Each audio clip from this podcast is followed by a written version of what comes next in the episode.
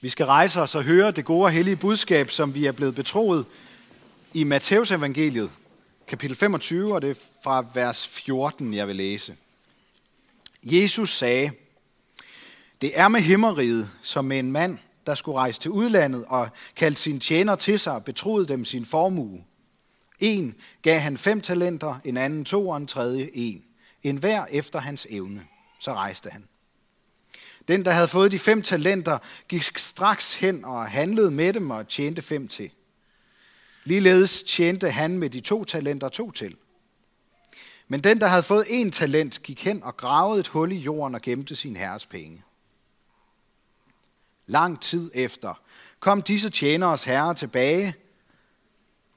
Han kommer tilbage og gør regnskab med dem.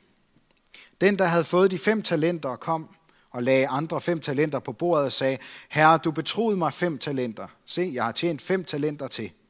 Hans herre sagde til ham, Godt, du gode og tro tjener, du har været tro i det små, jeg vil betro dig meget. Gå ind til din herres glæde. Også han med de to talenter kom og sagde, Herre, du betroede mig to talenter, se, jeg har tjent to talenter til. Hans herre sagde til ham, Godt, du gode og tro tjener, du har været tro i det små, jeg vil betro dig meget. Gå ind til din herres glæde. Så kom også han, som havde fået den ene talent, og han sagde, Herre, jeg kender dig som en hård mand, der høster, hvor du ikke har sået, og samler, hvor du ikke har spredt. Og af frygt for dig gik jeg hen og gemte din talent i jorden. Se, her har du, hvad dit er. Men hans herre sagde til ham, du dårlige og dogne tjener. Du vidste, at jeg høster, hvor jeg ikke har sået, og samler, hvor jeg ikke har spredt. Så burde du have betroet dine penge til vekselerende, så jeg havde fået mit igen med rente, når jeg kom tilbage. Tag derfor talenten fra ham, og giv den til ham med de ti talenter. For enhver, som har til ham, skal der gives, og han skal have overflod. Men den, der ikke har, fra ham skal selv det tages, som han har. Og kast den udulige tjener ud i mørket udenfor. Der skal der være gråd og tænderskæren. Amen.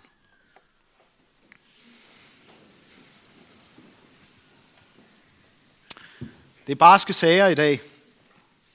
Øhm, en af de mest almindelige misforståelser af den her lignelse, det er, at den handler om at bringe sine talenter eller evner i spil. Der er også en øh, lidt mere from udlægning, der går ud på at sammenligne sig med de tre mænd og tolke talenter som åndelige værdier, altså hvor fromme eller åndelige vi er, hvordan, hvor godt det lykkes for os at omsætte det. På den måde så får man lignelsen til at handle om, at vi skal handle klogt og ansvarsfuldt, så Gud får mest mulig valuta for sin investering i sine tjenere. Jeg har lyst til lige at tage jer med, fordi hvordan er Gud, hvis vi tolker i den retning? Jamen, så er han vel ikke andet end en moralsk kapitalist, der samler på at belønne gode mennesker, der lever fromt. Så langt kan de fleste mennesker tænke sig frem til Gud, hvis han altså findes. Det, man kan på en eller anden måde sige, det er vores naturlige billede af, hvem Gud er. Problemet her, eller evangeliet, det, det, det befriende budskab i dag, er måske i virkeligheden, at det ikke er menneskers billede af Gud, der gør ham til den, han er. Heldigvis. Det er ikke vores tolkning af, hvordan Gud er, der gør ham til den, han er. Det eneste, vi kan vide om Gud og om, hvordan han er, det ved vi fra Guds egen åbenbaring. Hans eget ord, der fortæller os, hvem Gud i virkeligheden er. Det er jo også derfor, vi kommer i kirke og læser i Bibelen, og ikke kan undvære det, fordi så mangler vi simpelthen billedet af, hvem Gud i virkeligheden er.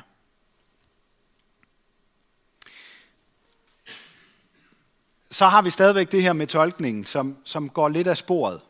Og den første afsporing, den sker, når vi ikke ved, at et talent ikke blev forstået som evner eller medfødt gave, dengang Jesus fortalte historien. Oprindeligt så var en talent en måleenhed, der svarer til cirka 30 kilo. Og senere så blev de her 30 kilo synonymt med den mængde penge, der vejede 30 kilo. Og så kan I prøve at forestille jer, det, det er et pænt beløb, øh, hvis man regner i, i guld eller sølvmønter. Måske kan nogle af jer huske, at det ikke er den eneste gang, Jesus bruger penge i en af sine lignelser. Det gør han også andre gange. Endda så er der en af dem, hvor han, hvor han roser en godsforvalter for at dele sin herres penge, altså dem han var betroet, ikke sin egne, men sin herres penge, ud til højre og venstre, for at redde sig selv, efter at han er blevet fyret, for at skaffe sig venner til dårlige tider. Det roser Jesus ham for at gøre. For mig at se, så fortæller det meget tydeligt, at vi skal passe på med at oversættelse, at oversætte lignelser sådan en til en. Og vi skal heller ikke nøjes med moralske pointer. Der er mere på spil, når Jesus fortæller lignelser. Lignelsen i dag handler om rendyrkede kapitalister, der elsker pengene og sig selv og forsøger at få mest muligt ud af det. Hvor fremt er det lige? Men det er det, den handler om. Fordi Jesus vil give os et billede af, hvordan det er, når Jesus bliver herre i et menneskes liv. Ligesom en skrupelløs kapitalist kan gå benhårdt efter målet, efter pengene, efter at få mest muligt ud af det. På samme måde skal vi følge trofast efter vores Herre, ham der er Herre i vores liv og bruge alt, hvad vi overhovedet har af penge og evner og åndsgaver og muligheder for at tjene det mål, som han har. Og det mål er heldigvis det bedste både for os selv og for alle andre mennesker. Når der er noget, der trumfer vores kærlighed til penge, os selv og forsøgende på at få mest muligt ud af livet, så er det det, Jesus vil have os til at gøre. Han vil have os til at tænke på den måde, som, som vi har hang til at, at, at tænke om penge på. Sådan skal vi tænke om ham. Vi har ikke bare fået vores evner af Gud. Alt, hvad vi ejer, vores krop, vores intelligens, muligheder, tid, penge, vores tro, åndens gaver, familie, venner, menigheden, det er alt sammen gaver fra Gud. Alt er som en ufortjent kapital, der skal bruges i tjenesten for Jesus Kristus, som vi skal stå til regnskab for. Han er vores herre. Det duer altså ikke at tro, at man kan nøjes med ikke at gøre noget forkert. Eller være sådan, sådan et godt menneske en gang imellem. Så har man slet ikke forstået noget som helst. Vi skal ikke sætte os selv og alle Guds, Guds gaver øh, ud i sådan en, en, en lille nichevirksomhed, hvor vi siger, en gang imellem, så, så, så arbejder jeg lige lidt på det her, og så prøver jeg at se, hvad jeg kan få ud af det. Og så stopper jeg med det, måske når, når søndagen er slut, og så er jeg ellers den, jeg plejer at være. Skrupelløs kapitalist, eller, eller hvordan vi nu øh, indretter os. Sagen er, og det der er udfordringen i dag, det er, at vi skal være Kristus-kapitalister. Ellers så vokser vi ikke, og i sidste ende så mister vi det hele. Man kan sætte det på spidsen og sige, at det er i virkeligheden kun det, vi giver videre til andre, som vi aldrig mister. Det er der ikke nogen, der kan tage fra os. Den, der bruger alt sit eget på den rigtige måde, han får mere og mere. Men den, som lader sin kapital ligge ubrugt hen, mister alt. Måske er det også grunden øh, til, at så mange barnetro blegner eller dør med tiden. Når den tro, man havde som barn eller konfirmand, ikke sættes i spil og ikke vokser, så visner den. Så ligger den bare der, ubrugt i jorden. Når vi modsat uselvisk glæder andre, minder vi os selv og andre om vores Herres glæde. Og hele tiden, så skal vi som mennesker passe på med, at vi ikke ender i moralske pointer.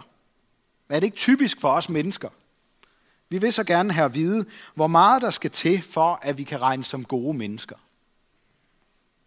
Flere af Jesu lignelser gør det tydeligt for os, som jeg også begyndte med at sige i starten af gudstjenesten, at vores livsregnestykke altid vil ende i minus, hvis vi prøver at regne den ud. For når vi forsøger at regne Gud ud, så nedskriver vi ham til en eller anden form for moralsk eller åndelig købmand. Men hvordan er Gud så, hvis han ikke er sådan? Han er evig. Han er uendelig og ubeskrivelig. Han gør store ting, der ikke kan udforskes, og under, der ikke kan tælles. Prøv aldrig at slå en handel af med Gud. Vis ham det hele i stedet for. Alle de røde tal, alle dine drømme om at forandre dig selv og verden. Sats hele butikken på ham og hans rige. Så vil du aldrig fortryde det. Så vil du få mere, end du har i forvejen. Måske er Paulus et af de tydeligste eksempler på et menneske, der på den hårde måde fandt ud af, at man ikke hverken kan hudle eller handle sig til et godt forhold til Gud. For sådan er Gud ikke.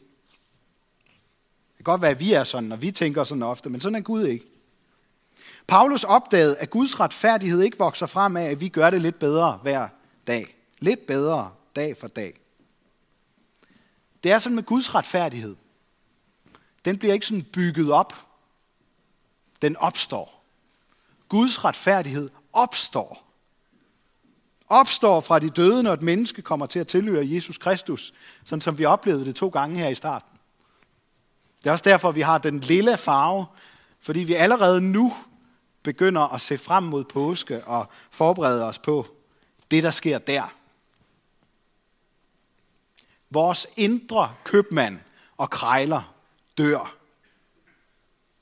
I ved ham, der elsker penge og muligheder og sig selv ofte på andres bekostning. Og så bliver barnet og tjeneren, der ved, at han har fået alt, hvad han har, så bliver han levende. Det er det, der sker i dåben. Og det nye liv, troen på Gud, er som en siamesisk tvilling til Jesus Kristus. Det er kun, når vi hænger sammen med ham, at vi har Guds retfærdighed. Fromme Paulus blev vendt om midt i livet og fik til opgave at arbejde på Guds kirkes glæde, i stedet for på sin egen fortræffelighed og sit eget livsregnskab. Og det var derfor, han blev kirkens første missionær. Og så i dag, lidt tidligere hørte vi, der møder vi ham i Athen, hvor han går rundt og kigger sig omkring, mens han spekulerer på, hvordan han skal fortælle europæerne om, hvordan Gud er. De tænker lidt anderledes end semitterne, end jøderne. Så hvordan skal han få det forklaret? Som dengang, så er det også i dag ofte alle vores egne forestillinger om Gud, der står mest i vejen for, at vi lærer ham at kende. Så lægger han mærke til, at de har et sted for en ukendt Gud. En sprække i et ellers veludviklet forklaringsbillede med guder til enhver lejlighed, som man havde det i datidens Grækenland.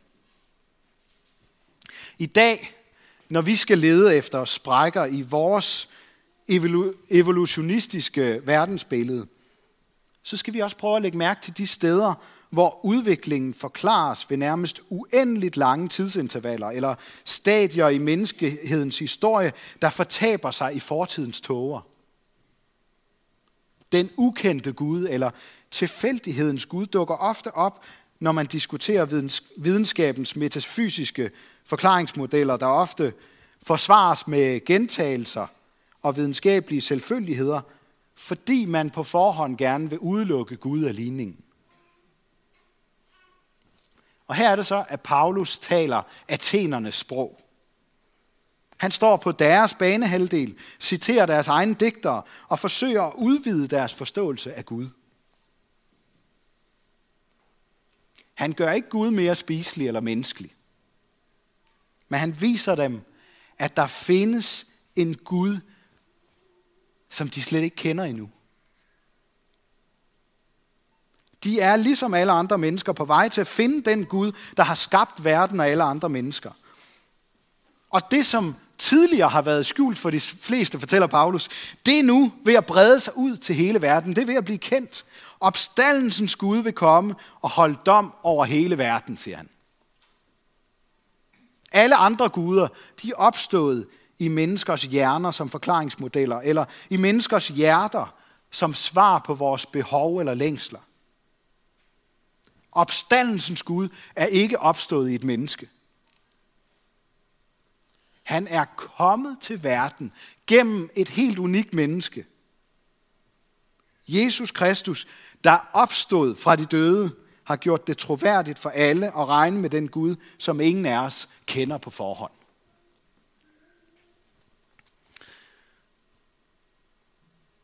Jeg ved ikke, om nogen af jer kender til følelsen af ikke rigtig at kende Gud. Sådan kan man også have det, selvom man måske har snakket rigtig meget om Gud, eller hørt meget om ham. At det føles som om, det er bare mig, der sidder og snakker eller tænker højt, når jeg for eksempel beder. Ved hvorfor det er sådan?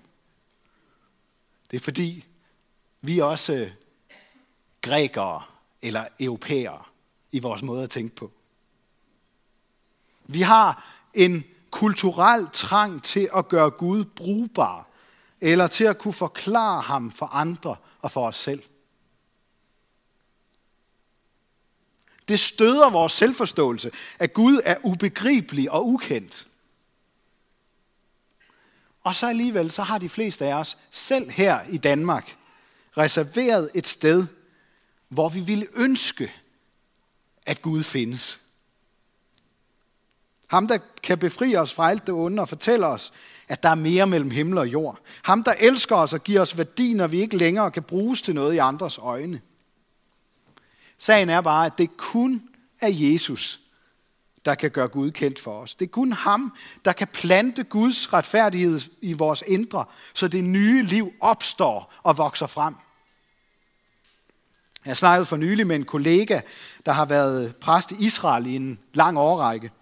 Og han fortalte, at når israelere kommer til tro på Jesus, det gør de heldigvis en gang imellem. Så var det sjældent ved at læse det gamle testamente, og så forstå Jesus som tolkningsnøglen, fordi vi har jo det gamle testamente til fælles.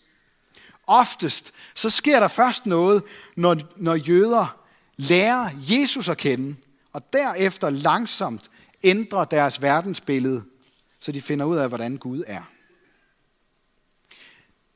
Det var også mødet med Jesus, der ændrede alt i jøden Paulus liv. Og på trods af mange studier og fromme hensigter, så var Gud i virkeligheden også en ukendt Gud for Paulus. Jeg ved ikke, om I har tænkt på. Selv for Paulus, der har skrevet så mange kloge ord i Bibelen, der var Gud til at begynde med en ukendt Gud for ham. Hvorfor er det så, at det kun er Jesus, der kan vise os, hvordan Gud er? Må ikke det er, fordi han kender sin far og selv er Gud? Det kan også lære os, at vores opgave ikke er at ændre andres verdensbilleder eller gudsbilleder. Det kan vi i øvrigt heller ikke. Vi kan højst skubbe lidt til dem.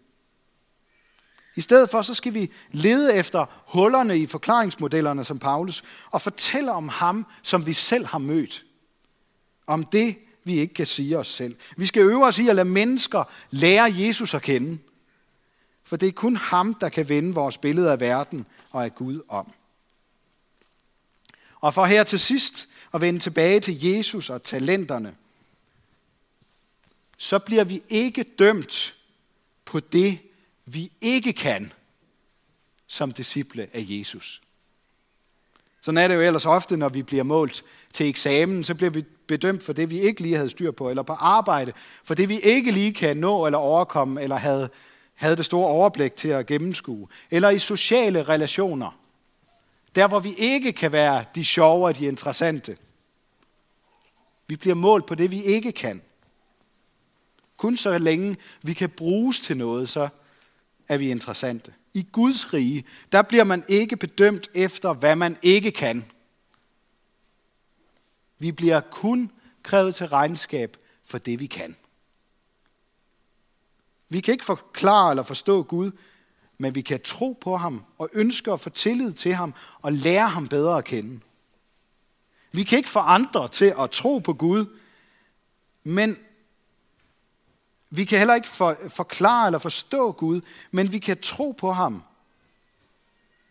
Vi kan ikke få andre til at tro på Gud ved at sælge ham godt eller klogt, men vi kan fortælle eller vise, hvad Jesus betyder for os. Vi kan ikke selv forandre verden, så alt bliver godt. Men vi kan minde om ham, der kan. Som disciple af Jesus bliver vi kun bedt om at gøre, hvad vi kan. Og så skal vi huske, at vi altid kan bede om tilgivelse for det, vi kunne, men som vi forsømte at gøre. Hvordan er Gud? For vores indre købmand og krejler, der er Gud som en hård mand, der høster, hvor han ikke har sået og samler, hvor han ikke har spredt. Men for den, der har lært Jesus at kende, der er han som en far, der betror os meget mere, end vi har fortjent. Hvis jeg skal give måske den vigtigste grund til, at jeg tror på Jesus og holder mig til ham, så er det, at han redder mit livsregnskab. Sådan er Jesus. Han er den store genopretter, der ikke ønsker, at vi skal bekymre os, men sætter os fri til at tjene ham med alt, hvad vi har fået af vores skaber. Hverken mere eller mindre. Kun sammen med Jesus kan vi være sikre på en dag at høre ordene. Gå ind til din herres glæde. Ære være Gud, vores far, der har skabt os i sit billede. Ære være Guds søn, der tog vores straf, så vi kan slippe fri. Ære være Helligånden, ham der gør Guds kærlighed levende for os.